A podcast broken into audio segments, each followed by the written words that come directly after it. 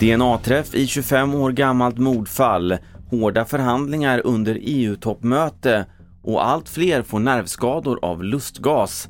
Ja, först i TV4 Nyheter om att Högsta domstolen beviljar resning i fallet med det 25 år gamla mordet på 16-åriga Malin från Örnsköldsvik.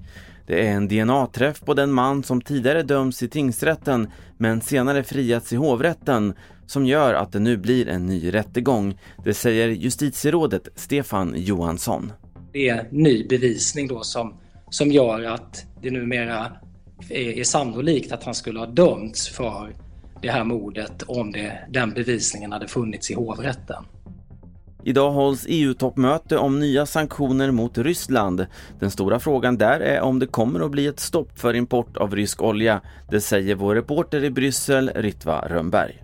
Här finns det länder, minst tre, Tjeckien, Slovakien, Ungern, som är väldigt rädda för att ett, ett totalt stopp för rysk olja inom sex månader skulle mer eller mindre slå sönder deras ekonomier och få stora konsekvenser.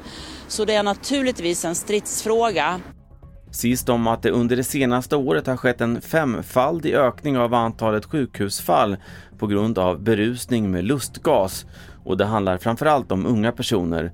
Lustgasen är laglig och inhaleras ofta genom ballonger men långvarigt bruk kan leda till stora skador, det säger Erik Lindeman, överläkare på Giftinformationscentralen.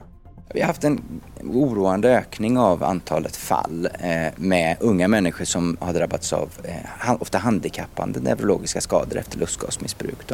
Så att vi, vi tar emot en till två samtal ifrån sjukvården om sådana fall i veckan där vi för bara några år sedan i princip aldrig såg sånt. Fler nyheter hittar du på tv4.se. Jag heter Carl-Oskar Alsen.